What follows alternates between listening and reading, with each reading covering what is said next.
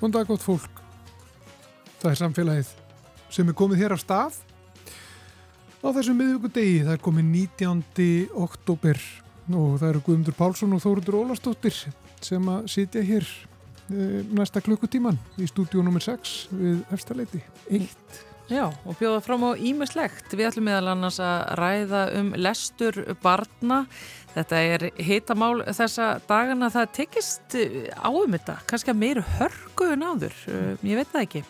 Það er allavega lestrarfimi prófin sem er í brenneteppli að þessu sinni. Eru þau mælitækið sem við þurfum til að vinna með og bæta lestrarhæfni barnan okkar? Það sé ínist svo sannarlega sitt hverjum.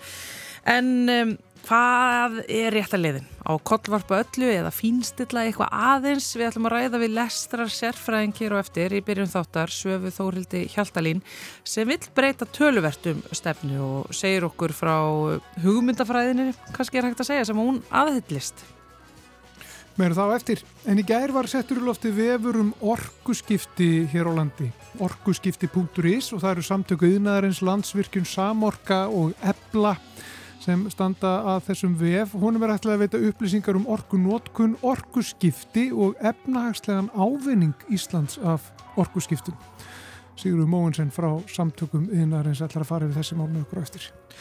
Og svo fáum við eina málfarsmínútu og Edda Olgudóttir kemur að lókun til okkar í vísendarspjall og ætlar að segja okkur frá rannsókn á stoppfrömu meðferð á fóstrum til að laga klófin rigg.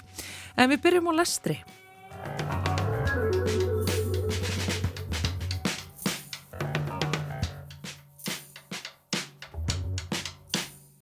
Við ætlum að ræða um skólan á okkar og lesturinn og börnin.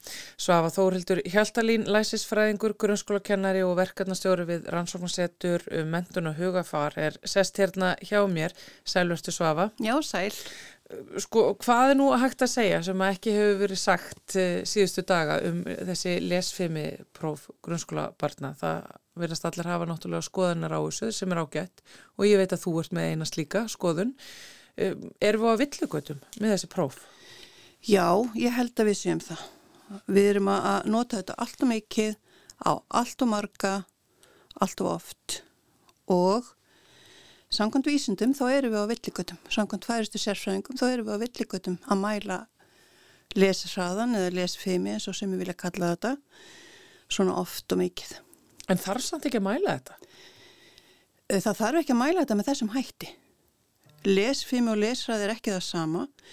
Og þessi próf uh, það búið að spenna bóðan svo hátt í viðmiðum að þetta verði eins og hraðapróf. Þú telur lesin orð á, á mínútu og þetta er að valda mikill streitu. Um, þetta er ekki að segja okkur allt sem segja þarf. Mm. það sem við þurfum fyrst og fremst að gera er að leggja áherslu á leskilningin skilja börnin það sem þeir að lesa því það er náttúrulega aðal markmið með lestri Þannig að það á að mæla bara aðeins öðruvísi og með breytum áherslu. Sjálfsagt að, að mæla lesfimi og ég tala hverki á móti henni. En að mæla þannig að les hraða, já við erum á villikutum og það er maður búin að sjá og búin að kynna sér í gegnum sterkustu vísindamenn og, og það er meðal annars einn að koma í dag, hann er lendur og við förum til Vestmanniða málþing á föstudaginn, hann heitir Hækki, fremsti finnin og sviði lestur og lesturöðuleika mm. og hann segir bara alls ekki meðal lesturhraða og þetta er ekkert gert hérna í landunum í kringum okkur. Sko það er náttúrulega samt ímsa skoðanir uppi í gangi varðandi þetta einmitt að það er sagt að jú þetta er vístmælt og, og þessi lesfimi próf eru, eru mikilvæg, þau gefa okkur ákveðnar upplýsingar, þetta er tækið sem hjálpar nefendum, þetta hjálpar uh, foreldrum og börnum, það er hægt að grýpa börn sem að veist, kannski þarf að greina eitthvað frekar, veist, það er alveg fólk sem er ósamaláðir. Já og sem betur fyrr þá hérna, er það bara þannig en við verðum að þóla að taka umræðina og við verðum kannski líka hugsanlega að stíka tilbaka og átt okkur á að við erum ekki á réttri leið. Það er ekkert hættilegt og það gerði ég á sín tíma með, með þessi lesfimiprófi eða lesræðaprófi, ég er búin að kenna lestur í 35 ár og ég teki þátt í þessu frá fyrsta degi og sé þróununa hvernig þetta hefur breyst Þannig að hérna, ég skil það að, að fólk er ekki sammála og það eru bara margir að verja þessa görði sínar að hafa staði fyrir þessum prófum. Mm. Þannig að það er bara eðlilegt. En hvað er þá til dæmis að byrtast okkur almenningi og, og við sem erum eh, kannski bara einhverju leikmenn að þetta virkar út af þetta aldrei svona illskeilanlegt, er þá innan fræðarsamfélagsins þín og þeirra sem að, veist, eru þá öndveru meði við þig, er þetta þá bara e, e, verið að takast á um, um kennslunálganir og og leiðir bara svona eins og tekist á um pólitíska hugmyndafræði. Já, lestarkennsla er alveg svakalega mikil pólitík og það er svo sannlega tekist á leiðir og aðferði við lestarkennsli. Og, og ég stend til dæmis fyrir hljóða aðferð að kenna bókstaf og hljóða hafa gert í, í síðan ég byrja tí ára með minn lestraskóla og kendi börnunum í hverjun að lesa mm. og ég hef oft sagt að það var enginn sem saði mér svo að þú getur ekki kent börnum að lesa dag erum við búin að gera þetta svo flókið og þú þarft að orðið fimm ára háskólagráðu og margir farið í tvö ás og nám eftir það. Þannig að ég held að við séum búin að flækja hlutina mikið og það sem að þú sagðir á þann og kennar að tala um það, þeir þurfið þessi pró, þau segja okkur ímislegt. Ég held að við getum nota önnur mælitæki sem segja okkur jafn mikið eða jafnvel meira sem eru mannúðlegri. Mm. Og, og ég held að það sé að við verum að fara svolítið á þann stað að við erum að upplifa það börnin brotna niður, það er alls ekki það sem við viljum gera í grunnskólum og stöndum ekki fyrir það. Fóreldrar eru auðmir, þeir eru skælandi heima hjá sér og, og við viljum það ekki heldur. Við þurfum samvinni við þetta fólk og við elskum þessi börn og við viljum það alltaf besta. Og, og ég held að það sé í raun og veru grunnur, það skipti málu þess að verðum að leita í fremstu fræðimenn. Já. Og þeir eru til en auðvitað greinir fræðimennum á En við erum að stegast við fræðimann til dæmis í sambandi við lesraðan sem er með 330 pluss vísindagreinar og fræðimenn eru mettir í fræðiheiminum eftir fjölda vísindagreina mm. og þetta er svaklega mikið eins og segið þetta er hann hækki sem er að koma hingað og komin þannig að ég held að við verðum bara að þóra að stíga eins út fyrir ramman, stíga út, já, stíga út fyrir þægindaramman og takast á af heiðarleika og heilindum en það hefur verið svolítið sko, við erum svolítið að kannski nýja skóin hvort og öðru. Já, þetta virðist vera eins og þetta séu svona ákveðna fylkingar sem er að draga sig saman og það er skotið allar áttir og ég verð að segja sem fóreldur að þá finnst mér það svona, þetta fyllir mig órikstilfinningu og eflust marg, marga aðra. Já, maður sér það núna við bara Facebook fæslu Ilmar leikonu Mm. og þá sér maður að fólk er svo sannarlega að stíga fram, foreldrar og aðrir sem eru sammálanni og ég er svo ánað að fá þessa rattir upp á yfirborðið.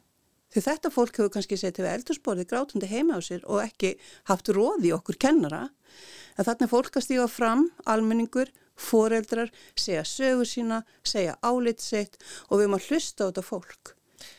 En er veist, hægt samt einhvern veginn að tala fyrir því að eitthvað eitt kerfi, ein vísendanálgun, eitt vísendamadur sé með svarið þegar kemur að bara mentakerfinu? Þetta er bara svo stort og mikið undir. Já, sko, ég vildi óska að ég geti bara sagt já, það er hægt. Sko, ef við skoðum mentakerfið og mentavísindin að þá verðum við að skoða eins og ég sagði á þann fremstu vísindi og það eru þessir fræðimenn sem eru ekki með þrjár vísindagreinar eins og margir af þessum fræðimennum sem eru hér. Við erum ekki menna á sterka fræðimenn. Við erum að tala um fræðimenn sem eru með 300 vísindagreinar 600 sem að hérna hann D.H. Henne sem er franskur heilasérfræðingur sá fremst í heiminum með yfir 660 vísindagreinar sem við erum búin að bjóðinga og kemur í mars. Þannig að og við stegumst við hann með bókstaf og hljóðaðferð. Þannig ég held að við erum bara að taka höndum saman fræðarsamfélagið kennarar og yfirvöld og finna leiðir hvað er það besta fyrir börnin okkar. Þetta eru börnin okkar, þetta er að dýrmætasta sem við eigum, þetta er dýrmætasta sem þjóðin á. Mm. Þetta eru börnin sem að, að taka við framtíðinni og við viljum koma öllum til manns og við sjáum það og heyrum að lesfimi prófin að þau eru frekar að brjóta niður þá einstaklinga sem að þurfa mikið mér ástöðumíkju og miklu mér uppbyggingu heldur en að við kannski áttum okkur á. Og við höfum ekki leifið þess að brjóta þess að krakka niður og við viljum það ekki en fólk hefur kannski ekki, eins og ég segi, lagt í að segja okkur stöðuna mm -hmm. en það er að gera það núna og ég held að ég segi, ég bara fagna þessar umræði sem er. En svo er þetta líka náttúrulega fyrir þetta mikið eftir eh, kennarunum sjálfu, af því að, kennarar hafa stíðið fram í kringum lesfimiprófin og, og fundist þau vera alveg ágætt en síðan notaði náttúrulega bara heggjuvitið til þess að vinna með þetta án þess að það hérna, drægi niður börn og, og græti fóreldra og, og, og það. Og þetta er sko Það er auðvitað vandaverk að kenna lestur og það er vandaverk að meta lestur. Þess vegna við hefum haft hérna stopnun, mentamálstofnun, þar sem eru full af sérfræðingum. Og þeir vita þá náttúrulega vel að það er leskilningu sem skiptir máli. Og þeir gerðu, gerðu reygin mistök með því að fylgja ekki lesfimi prófum eftir með leskilningsprófum sem að mér er reynda sagt að séu tilbúin en séu dyrt að setja á törftækt form en ég svara því til að við kennarum kunnum að taka próf og pappir og það má segja það að ég segi það sem lestarkennar til 35 ára að maður er býstna fljótur að heyra það. Ég segi stundum ég segi það í augunum á börnunum þegar ég heitti þau lítil hvernig mun ganga. Ja. og við sem erum með reynslu og þekkjum lestrakenslu og eins og segi reynslan sem er svo dýrmætt að þú heyrir það ef að það er eitthvað sem að tefur eða eitthvað sem er að og, og hérna þessin eru mælingar. Mælingar skipta rosalega miklu máli. Vita hver staða bassins er og geta það svo mætti með áskonum með færðni eins og við gerum í Vesmanni þau taka bókstaf og hljóðapróf og það próf hefur fengið gaggrinni og, og jáfnverð sagt að það sé léttara heldur um prófin sem eru hér og þess vegna geta allir krakkar í Vesmanni um lesið eða jáfnverð sagt að, hérna, að foreldrar sem hafa vitað rannsókn þau hafa flutt frá eiginni þessi foreldrar sem eiga börn sem er í mhm. einhverjum erfiðleikum og svo framvegis eru sleggjudómar í kringum þetta en hérna við mælum krakkan, hvar standaði þau komið í skólan? Er þau farin að lesa þá fáðu verkefni við hæfi? Kunnaðu alla bókstafi? Þurfaðu að læra að tengja það saman? Eða kunnaðu ekki alla bókstafi? Og þá e, fáðu áskorum með þau í færni. Þannig að grípuðu börnin strax og maður sér það að þetta er það sem skiptir máli. Ingrip, þjálfun sem er algjört leikilatriði, samkvæmt fremstu vísindum og svo eftirfylgni sem skiptir rosalega miklu máli. Og það sem ég er mjög hrifin á í samtöðu verkefni í Vesmanu hafandi kent svona rengi í litlum börnum Þetta kveikjum neistar verkefni Já, kveikjum neistan sem er á vegum rannsóknar setus við HÍ, nýstofnas mm. og samtaka atunlífsins háskólans. Og, og hérna og Vesmanu bara, við skulum ekki gleyma þeim Írisi bæjastjóra mm -hmm. algjör algjör hérna ég er bara svo mikil manneska að þóra út í þetta verkefni með okkur og sjá sinn hag út breyta fyrir börnin í Vestmannu. Þannig ég segi það, það er líkillin í þessu er að vita hvað börnin standa og veita þeim áskorunum yfir færni og það sem ég verið að skoða núna síðustu daga sem ég finnst vegna sem við erum að tala um öll erlendu börnin og staðu þeirra í íslensku grunnskólum er slæm, hún er mhm. -huh. mjög slæm Og það sem maður sér þegar við leggjum áherslu á bókstafu hljóð og bannfæða áskonum með færni þá eru við að grípa þessi börn strax. Við grípum strax það sem þið eru. Þannig að, að í sambandi við lesturinn og námið. Og ég held að það skiptir miklu máli. Við höfum líka tala um líðan og verkefni í Vestmanni hefur sínt okkur það þetta fyrsta starfsár að krakkuna líður betur. Kennurinn líður betur og foreldurinn líður betur. Það er allir búin að setja axlina niður. Við erum miklu róleri, við ferum hægar yfir, við gefum tíma fyrir þjálfun, við erum búin að efla hreyfingu sem að vísindin segja skipti máli fyrir heilastarfsemina. Þannig að hérna og ástriðuna sem að ekki gleima að börnum velja á mótnana hvað þau vilja gera í sínum ástriðu tíma eftir hátegi þannig að þau fara glöð heim. Þannig að hugmyndafræðin og, og fyrir mig sem kennara að þá finnst mér svo merkileg taugavísindin. Að, að það segja mér hvernig lærir heilin, hvernig læra börn, strákar læra frekar með því að, að hérna, grípa til ástriðinar vegna þess að þeir framlega mér að bóðöfnurinn dopamin í heila, stelpunar eru samvisku samari, þetta segir mér mikið sem kennara. Með drengja hópin minn, hvað þarf ég að gera? Jú, ég þarf að gera verkefnin áhugaverð þannig að þeim finnist verta eða tíma í að vinna þau. Þannig að, að mér finnst þetta svo rosalega spennandi svið og þarna við, segja, þarna þurfum við bara að taka debatt, fræðimenn og, og við erum að hlusta á þessu erlendi sérfræðinga sem eru að koma hinga til landsins og, og vera óhrætt, auðvitað þurfum við að vera óhrættu að skiptast á skoðunum. Mm. En við mögum ekki nýja skóin hvort öðru eða segja ljóta hluti sem ég hef síðan á netinu. Mm -hmm. Mér finnst það alveg agalegt. Erum, þetta hefur stundu verið mjög hörkulegt. Við erum fyrirmyndi barnana. Mm. En ég minna, Svafa, er þá þetta verkefni Kveikju Neistan sem að, veist, er þessi hugmyndafræði og nálgun sem að þú trúir á og ert að, ert að tala e, fyrir, er það þá eitthvað bara allt annað heldur en lesfimiprófin, einhvers konar mótvægi við það? Önnur leið sem við ættum að fara, þurfum að kollvarpa öllu, henda öllu fyrir róða og bara já, inn með sko, Kveikju Neistan og allir eins og eiga fólk? Það er kannski hérna, aldrei gott að kollvarpa öllu en ég hvet fólk og skólastjóra til þess að kynna sér verkefni af heilindum og það er mjög gott tækverð til þess núna 2001. það sem er málþing í Vestmannum og það er OP í streymi mm -hmm. það sem við förum með fyrsta árið og skoðum svolítið áskoruna sem eru framöndan Og, og, hérna, og ekkert í þessu verkefni þó við séum hérna Sissimi Ali, Eriksson og fleiri, fleiri fræðimenn sem eru nefndir og mann finnst þetta kannski svolítið svona stór biti fyrstum sinn en þá er ekkert sem kemur okkur kennurum á óvart. Áskonum með færðni það er reyndar í lögum okkur ber að kenna hverju barni með færðni þess uh, með líðan, við veitum að hún skiptir máli þannig að, að rammin utan um kveikjum neistan og mér finnst það svo frábært að því að við erum að stíðast við sterkustu vísindi að það er svo mikil styrkur fyrir okkur kennara að vita að við erum að gera það sem skiptir máli og við erum að gera hlutina rétt.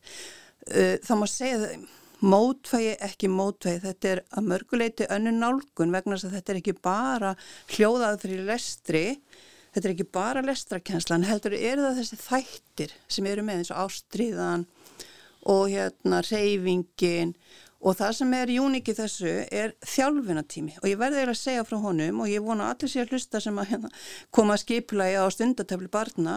Og, og, hérna, og ég er hérna með síma 863-1209 og veiti bara svör 24-7 í sambandi við þetta að hérna, þjálfunatímin hann er 384 sem í viku sem þýðir eins og í Vesmanum, þetta eru þrýr umsjónabekkir Þessum þremur umsjónabekkjum er skipt upp í fjóra hópa miða við færni þeirra og þeir fá allir áskormið við færni, við erum að tala um hérna daglega sem að skiptir alveg rosalega miklu máli og þetta er auðveldar kennur um að mæta hverju barni það sem er statist aðeins fyrir að þú ert alltaf með allan bekkinniðin og alla flóruna.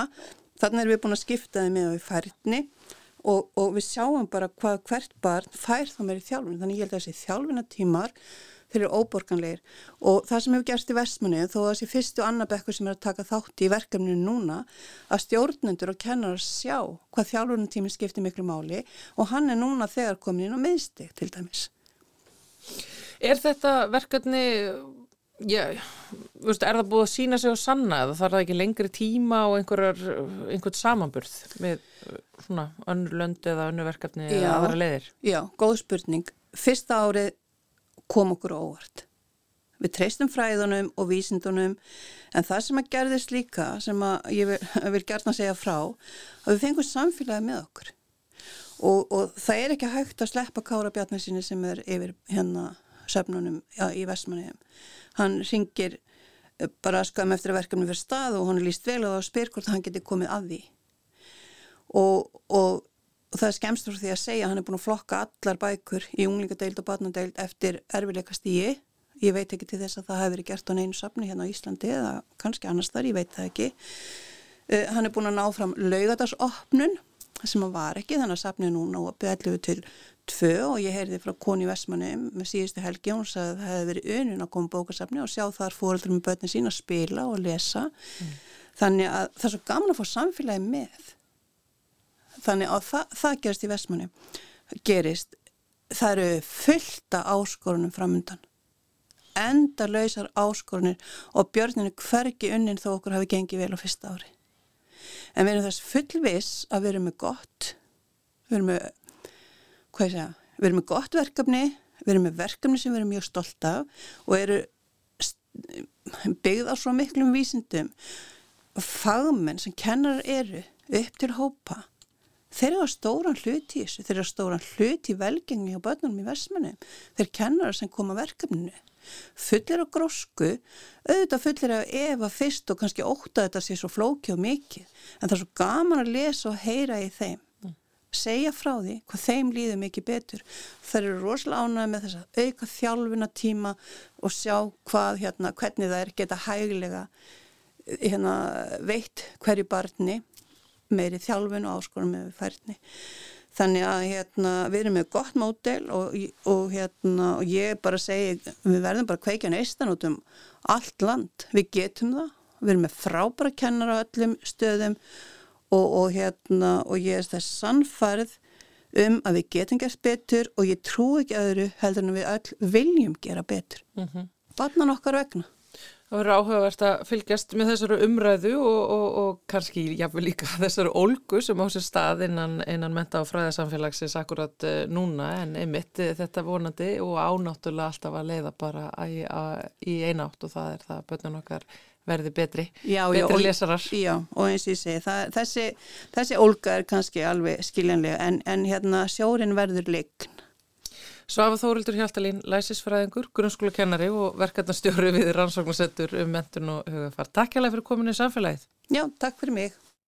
Og við höldum áfram að eh, fjalla um þessi mál hér á Ráseitt og, og viðar á Rúf Freyja Birgisdóttir, dósent hjá Háskólanum í Þroskasálfræði, verður gestur eh, mannlega þáttalans á, á morgun. Hún hefur rannsakað meðal annars lestrarfærni og hér í samfélaginu á morgun hjá okkur verður Þórtís Jóna Sigurðardóttir sem er eh, nýr forsturi mentamálastofnunar kemur til okkar eh, á morgun. En um, þá skulum við fá eitt lag The Scientist með Coldplay.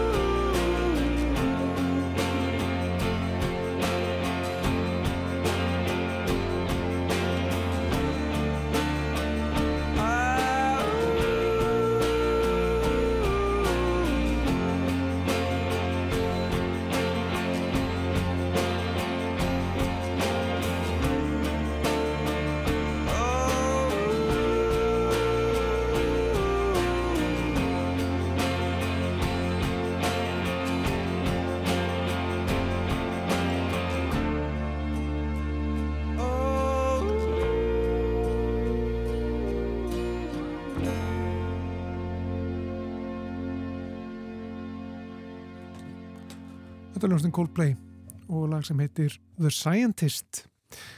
En uh, hún er sestinni hjá okkur Sigriður Móensen sem er sviðstóri hjá samtökum yðnaðarins. Verður velkominn til okkar. Takk fyrir. Sko í gær þá var settur loftið uh, upplýsingavefur um orkuskipti, orkuskipti.is Mm -hmm. og uh, þið hjá samtökum yðnaðarins standið að þessu á samt landsvirkjun, samorku og eblu og þannig er raunin mikil greining á, á orkuþörfinni til dæmis uh, með tillitið til þess markmis að jarðefna elsneiti verði alveg skipt út fyrir ramagn uh, og það er markmið um kólöfnislutlis árið 2040 sem er verið að, að horfa til, Mhm. markmið stjórnvalda og þá bara verður ekki notað hér jarðefna elsneiti eða hvað, þetta er, þetta er fórsöndunar Þetta eru fórsendurnar og fórsendurnar byggja auðvitað á þessu ópenbæra markmiði sem kom fram í stjórnarsáttmálanum núna í november 2021. Það er, bara á einföldu máli, að Ísland verði kólefnislutlaust og hérna óháð ólju, kallum þetta bara ólja því að það er einfaldara, það er eitthvað orð sem fólk skilur betur, Mhm. uh, árið 2040, eigi síðar. Og þetta er auðvitað mjög metnaða fullt markmið. Og inn á þessum við þá erum við rauninni að hérna koma á framfæri upplýsingum sem eru ofinberar en leynast í löngum flóknum Excel-skjölum við og dreifum hérna netmiðla ofinberarstofnana og svo framvegis og setja þær fram á bara einfaldan og skýran hátt þannig að allur almenningi get, geti kynnt sér þetta stóra hagsmunamál og þetta stóra verkefni sem er framöndan. og ef við förum bara í sko stærður og tölur Mm -hmm. og þá er hvað mikil ólja sem er notið hér á hverju ári og hvað þýð það? Við erum að nota um miljón tonna olju ári um, og það er svona með við eitthvað meðal, meðal notkun og það er rauninni það magn af olju sem þarf að endanum að skipta út samkvæmt áætlun. Um, en til samaburðar, bara sem dæmi, að þá 2017 og 18 þegar við vorum, þegar ferðamannafjöldin náði hérna hámarki, að þá var þetta 1,5 miljón tonna með þá áætluðu magni tank, uh, sem er tankað erlendis af íslenskum aðilum, þar að skipin okkar uh, hluta sjávarútvegi og flutningi, flutningarskipum tanka sérst ólíu erlendis. Mm. en það er náttúrulega þá hluta því sem knýr verðmættasköpun og íslenskt hagkerfi áfram. Þannig að þetta er uh, svona um miljón tonna ólíu við erum að greiða fyrir það í erlendum gjalderi sem eru þetta mjög verðmætur uh, ríflega 100 miljardar króna á ári uh, með að við ólíuverði í dag. Reyndar, en það er að hækka.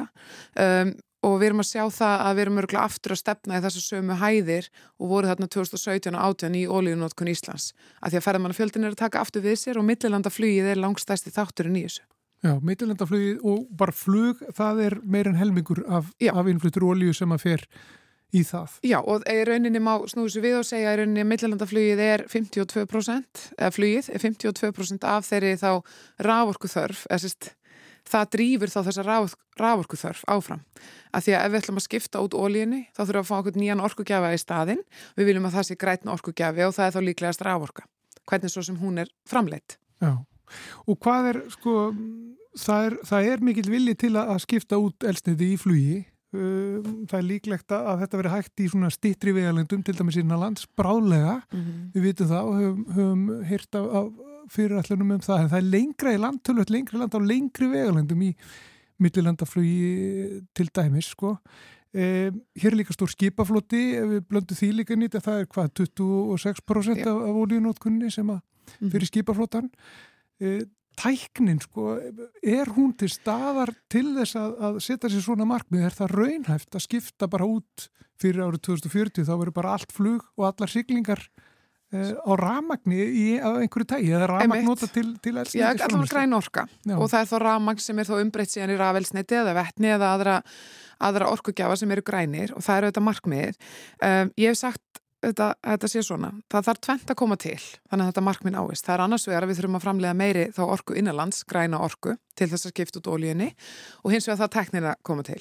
Við Íslendingar eða Íslensk þjóð mun ekki ráða endilega yfir og við munum ekki endilega vera okkar fyrirtæki að finna upp þessa tekni. Uh, við munum örgulega þurfa að innlega hana erlendis frá allavega einhvern hlutafinni. Við vitum ekki nákvæmlega hvenna teknin kemur en við vitum það ef við erum ekki tilbúin þegar teknin kemur þá hefur við enga líkur á að ná þessu markmiði. Þannig að við þurfum að byrja okkur hér. Og ég talaði mikið af fólki síðustu dag um þessi mál og það segja sumir, heyrðu, okkur er að pæli þessu núna, þetta er einhvern tíman inn í framtíðinni. En orku uppbygging tekur gríðalega langan tíma. Við sjáum það til að mynda á tíu ára tímabili eða nýju ára tímabili var rammaallun ekki samþitt inn á alþingi. Það var eiginlega engin viðbútar orku öflun á Íslandi í heila náratug. Uh, þrátt fyrir að nú sé komin rammaallun sé komin í gegn, þá tekur samt gríðalega langan tíma frá byrjun til enda að koma nýri orku inn á kerfið og það getur verið alltaf áratugur 10, 12, 8 til 12 ár. Þannig að við þurfum að byrja að huga að þessu núna ef við ætlum að ná þessum markmiðum 2040 og þess það þarf að taka þær strax að því að ferlið er svo langt. Og eru stóru ákvarðin ekki þá annars vegar eh, ætlum að fá okkur eh, græna orku, fari orku skiptin og til þess að geta gert það þá þurfum við að sökva nátturu, eh, taka nefnir fossa, vil sjá eftir hálendisperlum Sko, þetta eru, þetta eru stóru tvö atrið Þetta er ekki markmið sem við erum að setja fram. Þetta Nei, er markmið sem stjórnum er að setja fram. Orkuöflunni farið fram, þá þarf þetta að gera Algjörlega, og þetta hálita markmið hefur verið sett fram og eru ofinbært markmið. Svo erum við líka með skuldbindinga gagvart Parisa samkominleginu Svo erum við með skuldbindinga gagvart því að dragu lósinn fyrir 2030 og það er alls konar vinklar á þessu það, Þetta kemur á mismunandi tímabilum. Orkuskiptin eru mikilvægasti einstakki þátturinn í að við náum árangur í lofslagsmálum að að að að losun vegna ólíu er eitt stærsti losuna þátturinn. Þannig að til að hérna, ná uh, því fram, þeim markmiðum, þá skiptir þetta greiðalögu máli. Um, það er vissulega rétt hjá þér. Uh, þá er spurning líka hverju eru að fórna í dag með því að hverju eru aðri þjóður að fórna til að framlega þessa ólíu fyrir okkur Íslendinga og ég tel það ekki vera mjög svona kannski skinsamlegt eða Uh, jákvægt ef fólk vil bara stinga höfðun í sandin og hægt að pæla ekkit í þessari ólíu því að aðrar þjóðir og lofslæðið á heimsvísu er að fórna einhverju til þess að framlega þessu ólíu meðal annars fyrir Ísland. Og jarðarna elsniti er stærsti losuna þátturinn á heimsvísu og sá sem er að vaksa mest. Að því sögðu að þá er þetta vissulega flókið og stórt samtal. Ákverðunin hefur verið tekin um að fara í þessa vegferð en nú þarf að taka ákverðunir um hvernig og er, við erum ekkit endilega að fjalla um leiðirna þarna, við erum bara að benda á þetta eru stærðagráðunar og, og vissulega snertir snerta virkjana áform og vindorka og alls konar hugmyndir sem eru uppi við tilfinningum okkar allra. Uh, ég held að allir íslendingar bara þetta reyfir við okkur og svo framvegis, en ég held að það sé engin að tala um að virkja gullfoss. Nei, ég er engin sérstaklega talsmaður virkjana. Þetta er bara, bara þú segir á... að þú sést að stíga inn í, inn í ákveði samtal sem það þarf að eiga sér stað og að þegar Já. tímin er að renna út og þegar maður skoðar þetta bara svona, að þá er þetta, þá er þetta sko eiginlega þessar tvær hliðar sem að mætast og, og það aðtiklisverða er að, að fólk sem að er fylgjandi hérna, náttúruvend og umhverfisvend er eiginlega fylgjandi bæði en þetta fer ekki saman. Nei, bara þetta er mjög flókið og þarna klassa einhverjir hagsmunir og tilfinningar okkar og skoðanir og allt það. Og þess vegna erum við líka að setja hana við í lofti vegna þess að það skiptir svo miklu máli að við getum byggt þetta samtal á staðrendum og hvort sem okkur líka betur eða verð þá eru við að nota miljón tonnu ólí ári. Það eru aðra þjóður að fórna sínu náttúruöðundu fyrir það og það eru fyrst og fremst einræðisríki. Viljum við vera að skipta við þau? Viljum við ekki vera sjálfbæri um okkar orku nótkun og Ísland er í raun nett og innflytjandi á orku uh, vegna þess að 40% af þeirri orku sem við knýjum samfélagið á og hagkerfi og verðmætasköpun er innflutt ólíja ef við tökum húsitun aðeins til út fyrir svega og 60% raforka. En þá er þetta bara spurning, hvernig ætlum við að, hvaða leiðir ætlum við að fara að þessum markmiði? Það eru fleiri orkukostir en vassafl, stórar vassaflsvirkjanir, það er hægt að stekka núrundi virkjanir, það er hægt að huga jarðvarmanum okkar sem er gríðarlega verðmætur. Við erum hérna sannilega svo þjóði heiminu sem þekki best til hvernig að nýta jarðvarma. Eh, þannig að ég held að það þurfa að horfa á mjög fjölbreyta kosti í þessu samhengi. Það er ekki verið að tala um að byggja fimm nýjar kárunhugavirkjanir. Mm -hmm. En sko, ef við tölum bara um hvað þarf mikið uh, af orku hér þá mm -hmm. ef við miðum við árið 2040 sem er, mm -hmm. sem er þetta ár sem er miða við í, mm -hmm. í markmiðum stjórnvalda það er taland að kemur fram í, í greiningunni hjá ykkur eða hjá já, á þessum vef uh, orkuskipti.is að það er sem sagt 19 terfarstundur ári ekki satt? Jú, það er bara 20 sem er núna, Já. eða var 2021 Já, og þetta var að fara upp í 35 terfarstundur á ári árið 2040 Eftir 18 ár? Það er bara 36, já. Já, einmitt, en meira, meira. Um, eftir 18 ár? Algjörlega. Það er til að mæta orkuskiptunum? Bara orkuskiptunum og þannig að það sé alveg skýrt. Þannig erum við ekki að horfa neitt á verður meiri matvæla framleiðsla á Íslandi, verður hérna líftækni, mun líftækni innan taka við sér, hvað þarf fiskaldi á landi í orku. Því allar þessar greinar munum þurfa líka raforku næstu árum og áratögum. Ef við ætlum að byggja upp sterta atvinnulíf til framtíðar þá þurfum við að horfa fjölbreytta atvinnulíf. Uh, við erum að taka það alveg út fyrir svega. Þannig að þessi 16 teravött terafastundir sem við þurfum til viðbótar ári eru engungu fyrir orkuskiptin mm -hmm. uh, og það er þá tæp tvöföldun eða 80% aukning á kerfi á 18 árum sem við erum búin að byggja upp á 60 árum. Þannig að þetta er gríðarlega stort verkefni Eh, og við erum algjörlega meðvitið um það en, en þannig er ekki verið að tala um nýja, nýj stórfyrirtæki að, að bæta í stóriðinu eða neitt slíkt og ekki heldur að horfa hvað við þurfum til að knýja hagust áfram. Þannig bara verið að horfa á hvað þarf í orkusskiptin með að við núverandi nótkun og olju. Já, og þá spyr maður, er þetta raunhæft? Er raunhæft að, að búastu því að hér verið hægt að framlega svona miklu, miklu meiri orku? Það mun krefjast auðvitað gríðalega fjárfestinga. Ég held að stærsta hindrunin í því, eh, svona mínum aðallána, er þá þetta samtal sem þarf að taka og það eru margir sem vilja bara ekki ræða þetta og móti segi ég þá að hérna nú er ég ekki lísnuminu persónu skoðunum en við erum þá líka að ræða hverju við erum að fórna með því að vera að brenna olju. Það er líka einhver fórnakostnæður fyrir náttúruna og lofslægið af því. Þannig að þarna er mitt uh, klassa svolítið þessi tveir kannski hagsmunir. En nú erum við komin svolítið meira út í pólitíkina Mm -hmm. og hérna og ég held að þetta sé bara samtal sem þarf að eiga sér stað á vettvangi uh, alþingis líka uh, og bara vettvangi stjórnvalda en líka bara þjóðin öll þarf að taka þátt í því samtali. Um, þið, þið velti líka fyrir ykkur efnarslegum ávinningi um, af orkuskiptunum. Mm -hmm. Uh, Getur þú rætt það aðeins og Já. útskipt það fyrir okkur? uh, við höfum, það er líka skemmtilegt að segja það og ég held að við vitum það öll að þetta eru þriðju orkuskiptin á Íslandi. Við höfum áður farið í þessa gríðu stóru orkuskipti eins og hitaveituvæðinguna og rafvæðinguna sínum tíma og ég held að það sé óumdelt í dag þegar við horfum í baksinni speilin að það hafi verið mjög árangusríkt og skila miklum ávinningi fyrir Íslands samfélag. Við sjáum það núna í orkukrísuna í Evrópu núna að hérna maður heyrir í vinum sínum í Nóri og Svíþjóð sem er að borga 1500 krónir fyrir heita styrtu, eitt skipti. Uh, hérna, þannig að við sjáum það að þetta orku öryggi sem við þó búum við að því við erum minna háð gasi og, eða, ekki tá gasi og minna háða olíu en margar aðra þjóðir, er reyndar ekki minna háða olíu en, en við erum svona út að hita veituvæðingunni, þá erum við auðvitað mjög góðum stað nú þegar. Um, og hérna ég ætla að segja bara að þetta eru þriði orkuskiptin og við erum núna að reyna að gera tilhörun til að horfa fram á við og segja, heyrðu, tökum þessa ákvörun byggð á einhverjum forsendum og einhverju sín og þess vegna gerðum við tilraun eða ekki ebla, fengum eflu til að reikna út þennan efnaðarslega ávinning sem er þá 1400 miljardar fram til ásins 2060 uh, hitaveitumæðingin er talin verið að skil okkur í ávinningi 100 miljardum á ári án þess að við finnum fyrir því, þetta er bara orðin einhvern veginn sjálfsæður hlutur. Og ég held að þetta sé hófsamt mat á þessu, þannig erum við ekki að taka inn í fjárfestingar í rafleðslu stöðum og í höfnum og svo leys heldur bara raforku framleðsluna og það að skipta út ólíu fyrir græna innlenda orku, hvað það þýðir fyrir Íslands hagkerfi og hver hvert þá framleiðin í hagkerfi er við þá aðgerð. Getur þú brotið þetta Já. betur niður? Getur þú útskipt betur fyrir okkur hver, hvernig ávinningurinn er, er, er fundin út? Hvað Já. fælst í ávinningu? Ávinningurinn er að þá erum við að horfa á að raforku framleiðsla er auðvitað atvinnugrein, orku framleiðsla er atvinnugrein í dag og þá vinna fjölmargir við það, hvort sem það er hjá landsvirkjun, hásveitum, öðrum orkufyrirtækjum, hásorku ætla ég að segja, það eru fjölmörg orkufyrirtæki hér, þar vinnur fólk, það eru gríðlega fjárfestingar í tengslum við þetta, þannig við erum í rauninni að byggja upp, að byggja undir en stærri atvinnugrein sem er þá raforku framleiðsla þar verða til bein og, og afleitt störf í kringum það, íslenska verkfræðistofur eru mjög stórar öflugur meðal annars út á raforku uppbyggingu síðari ára, eh, fyrir ára og áratöga. Eh, Þar eru við að horfa á rauninni framlegð, eh, þetta er núvirt uppsafnað framlegð til landsframlegslu. Þetta er mjög hagfræðilegt hugtak en þetta er mjög þekkt aðferðafræði við að meta svona ávinning uh, og þá hættum að flytja inn við erum þá spara ákveðin gjalderi og í stað þess eru að framlega innlenda orku og það leiði náttúrulega til þess að um, ég ætla að fá að leiða mér að sletta activity í hagkerfinu eikst.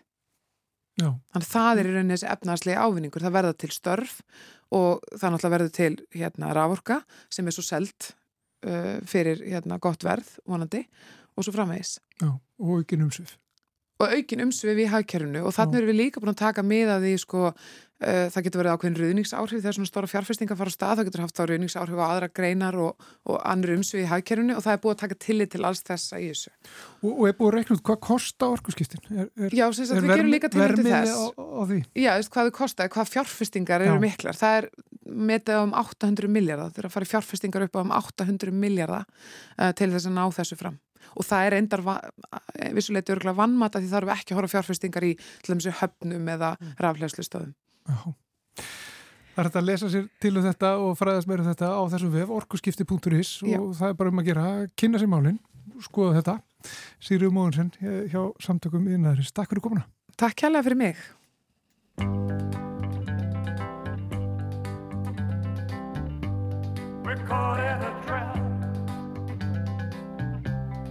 Can't walk out because I love you too much, baby. Why can't you see what you're doing to me when you don't believe a word?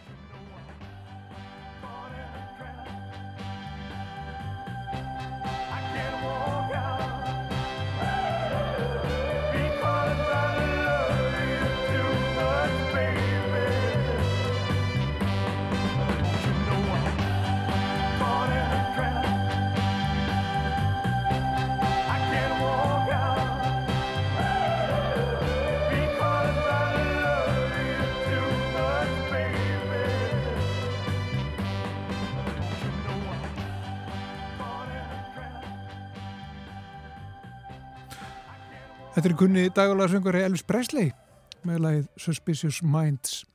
Þetta Olgudóttir sest hér hjá okkur eftir örskama stund. Hún ætlar að fara yfir glóðvolgar fréttir af vísindum en fyrst ætlum við að heyra eina málfarsminúti.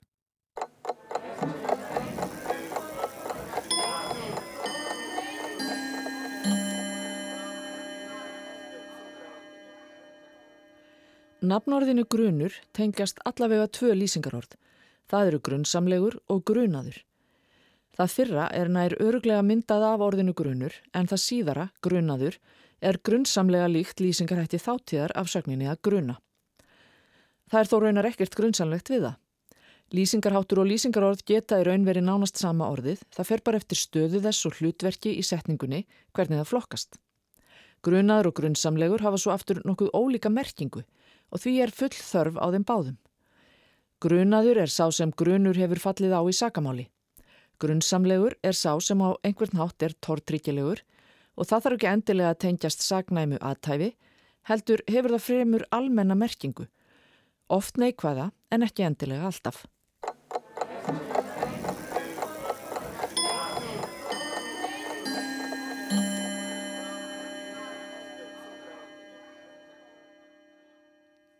Málfarsmínata baki og áfram höldum við í samfélaginu það er komið að vísendarspjallinu með ettu okkar Olgudóttur sem er sest hérna hjá okkur Sælverstu Edda. Sælverði.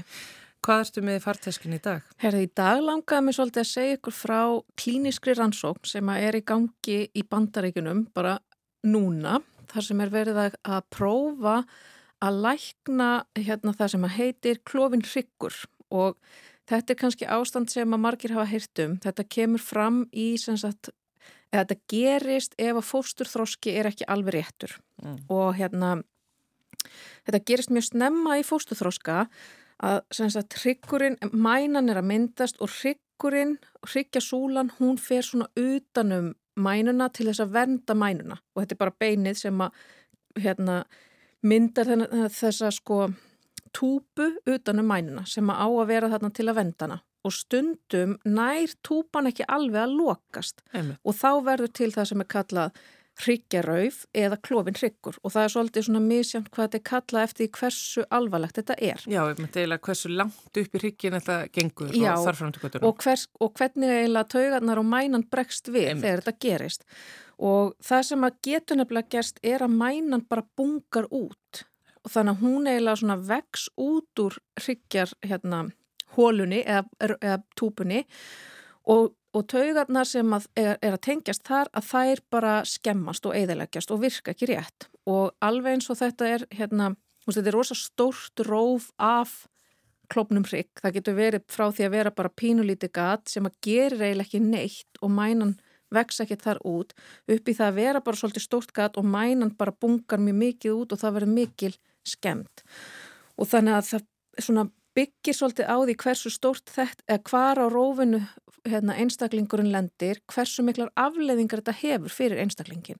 En yfirleitt hefur þetta einhver áhrif á til dæmis getu einstaklingsins til að ganga. Og þetta getur líka bara, semast, getur valdið algjörilömun, getur líka haft áhrif á til dæmis hérna, þvaglát og saur. Það er að segja hvort að, að fólk bara getur stjórnaði hvernig það pissar eða kúkar. Mm -hmm. Og þannig að þetta hefur mjög viðtæk áhrif á líkamann. Og erstu búin að segja hvað svo algengt þetta er? Nei, ég var ekki búin að segja það því ég veit það ekki alveg. ég, bara, ég nefnilega veit ekki heldur en ég held að þetta sé alveg uh, umtalsverða algengt. Já, þetta er ábyggilega algengar en margir aðrir hérna, svona fósturgallar. Já. Og það sem að gerist, sem sagt, þetta er yfirleitt greint, til dæmis á Íslandi held ég þetta sé aðalega greint við ómskoðun Já. og þá á 20. viku. Ef sem, það sést. Já, og yfirleitt sést það. Mm. En, en hérna þetta gerist náttúrulega miklu, miklu fyrr. Já. og það skiptir máli sko að fóstrið er að þroskast með þennan galla eða þessa, þetta op í hrygnum og það kannski skiptir máli upp á framhaldið, hvenar þetta gerist og hversu langt það getur gengið. Og núna þá er til hérna aðferð til þess að reyna að laga þetta og stundum er gerð sko aðgerð á fóstrum. Til þess að þá er bara sagt, í móðurkviði og þá eru hérna mæðurnar og skornar upp og fóstrið líka og þá er bara skorið þarna þar sem að, að hryggurinn er klófin og settur svona plástur yfir til þess að venda mænuna og reyna að ítenni á réttan stað og svo er húðin saumu þar aftur. Og þetta er náttúrulega ótrúlegt að þessi hægt að gera þetta á meðan að einstaklingurinn er að þroskast og svo bara heldur meðgangan áfram og er náttúrulega undir auknu eftirliti vegna þess að þetta er ofbáslega áhættu samt og svo yfirleitt fæðast þessi börn eða þessi fóstur bara ekki alveg eftir fulla meðgöngu vegna þess að það er, það er líka bara alls konar áhættur við það að klára fulla meðgöngu og fara í gegnum hérna eðlilega fæðingu. Aha. Og þetta hefur svona, sko það, get, það er ekki hægt að lækna klófinrygg með þessu en það er hægt að draga aðeins úr afleiðingunum. Já. Þannig að, að hérna, skaðin er ekki jafn mikill og þessi klíniska rannsók sem að, að ég er núna að vísa í, að þar eru þau búin að taka þetta svona upp á aðeins annað stig þar sem að þau eru að nota sko stoppfrömmur og setja þær í plásturinn sem er settur á mænuna til þess að einmitt að reyna að snúa þessu við, snúa því við að mænan er sköttuð og það, þá hérna setja þau, veist, þá eru stoppfrömmunar ræktaðar á þessum plástri bara í hérna á styrilli rannsóknastofu þannig að það má náttúrulega ekkert, það má ekkert koma að þessu sem að gæti valdi skada og plásturinn verður þá þakin stoppfrömmum svo í aðgerðinni að það var plásturinn settur á með stoppfrömmunum og þær þá örfa það að mænan gengur tilbaka inn í hryggin og hryggurinn lokast og einstaklingurinn gæti þá mögulega fengið fulla hreyfigetu og ekki fundi fyrir því að hafa fengið klófin hrygg. Nei. Og núna hafa þrýr einstaklingar fæst sem hafa farið í gegnum þessa, hérna, þessa meðferð, farið í gegnum þessa aðgerð og klíníska rannsóknin semst gengur út á það að fá 35 einstaklinga til að sjá hvort að við fáum raunverulega það út úr þessu sem við viljum sjá. Það er að segja að fólk bara finni það sé engin munur á þessum einstaklingum og þeim sem að hérna, ekki hafa fengið klófinrygg. Og það kannski er það sko óskykja að það verði engin munur en svona fyrstu niðurstöður eru samt benda til þess að þarna er eitthvað að ganga tilbaka.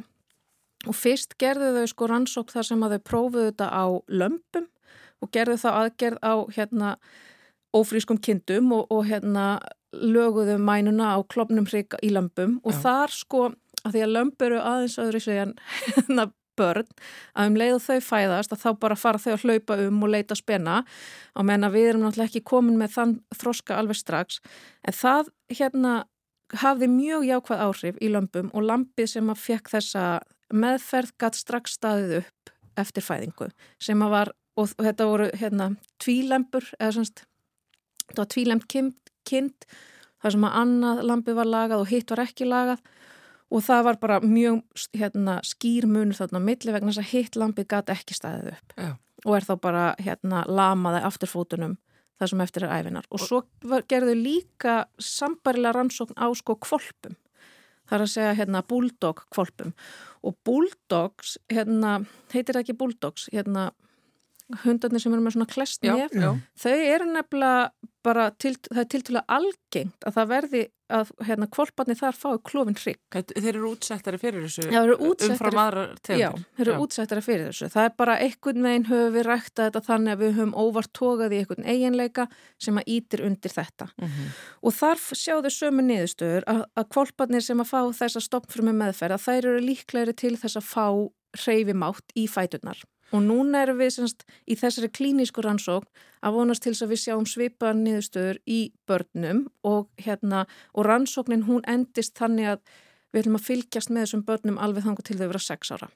Þetta er náttúrulega algjörlega stórkoslegt að því að ekki aðeins við að tala um sko aðgerð á fóstri í móðurkviði Mhm. heldur erum við að tala um uppbyggingu á mænu ófæts einstaklings. Einmitt. Og það er náttúrulega bara ótrúlegt út af fyrir sig að þú getur gert aðgerð á fóstri. En að laga er mænuna Einmitt. sem er bara flóknasta fyrir bara eiginlega mannslíkamanns það er Nákvæmlega. bara ég, ég, bara hausin á mér ég, ég, já, ég næ eiginlega bara hausnum á mér var alltaf utanum þetta Nei, einmitt, þú ert svolítið orðlaus Já, heila En það í þessu, þá er sko viðmiðnar hópurinn eru fóstur sem að fara í aðgerð þar sem að plásturinn er settur á en það eru enga stoppfrumur. Þannig að það er það sem við erum að bera saman. Við erum ekki að bera saman sko einstakling sem að hérna, fæðist með ómeðhundlan klófin hrygg sko, heldur þeir, þeir eru báðir meðhendlar. Þannig að við erum þarna að meta nákvæmlega hvað stoppfrumurnar er að gera umfram það sem þessi aðgerð gerir. Vegna þess að svona aðgerð, það, henni fylgir náttúrulega rosalega áhætta. Það og það alveg, já, og það er alveg hérna, veist, rannsakendurnir og foreldrarnir sem að taka þátt í þessari rannsók, þau vita það alveg að það er ekki bara, þetta er ekki hérna alveg að sama og fá sér sko tattu eða þetta Nei. er alveg bara stór aðgerð sko og mjög áhættusum en samt sko án þess að ég viti það alveg 100% en þá er hún alveg klárlega eh, ekki svo áhættisum að það sé sko ef hún hlýtur að vera næjanlega örug til þess að það sé bóðið upp á hana. Af því að ef það væri, segjum að þetta myndi valda 50% fóstuláti, þá væru við ekki að bjóða upp á það að þetta væri möguleiki til þess að hjálpa einstaklingnum sem er þarna að þróskast. Já, og fyrst einmitt líka að þetta komið svona langt í klínisku rannsóknum og þá er greinilega eitthvað þarna. Já, algjörlega og við sjáum það líka á þeim rannsóknum sem hafa verið gerðar fyrirfram á dýrum að það er, stoppfruminnar þær er að gera eitthvað. Og já, þær eru náttúrulega bara ótrúlega sníðugt fyrirbæri af því að þær hafa möguleikana að verða hvað sem er, sem er alveg, og þú setur það bara í rétt umhverfi og þá er það eitthvað, já, einmitt, hérna og ég bara að vera hryggur, best að gera það þá bara. Get ég orðið mæna. Já. já. Það, ég minna, stofnfrumjuransóknir er, er annað bara sem er ótrúlegt að hafa fylgjast með og sjá hvernig þetta gerist. Og þetta dæmi sem þú ert að koma hingað mm -hmm. er einmitt enn eitt eh, bara merki um hver, hversu langt við getum farið með eh, stofnfrum rannsóknum. Nákvæmlega. Edda Olgudóttir, takk kærlega fyrir fyrir uh, þetta. Það er bara heilin á mér verið lengi að jafna sig eftir þessar upplýsingar. Þetta er rosalegt. Takk fyrir mig. Við ætlum að jafna okkur hér eftir uh, þetta, þetta samtal. Um, samfélagin er lokið í dag en uh, við verðum hér aftur á morgun. Guðmundur Pálsson og Þóruður Ólastóttir. Þakkum fyrir okkur. Verðið sæl.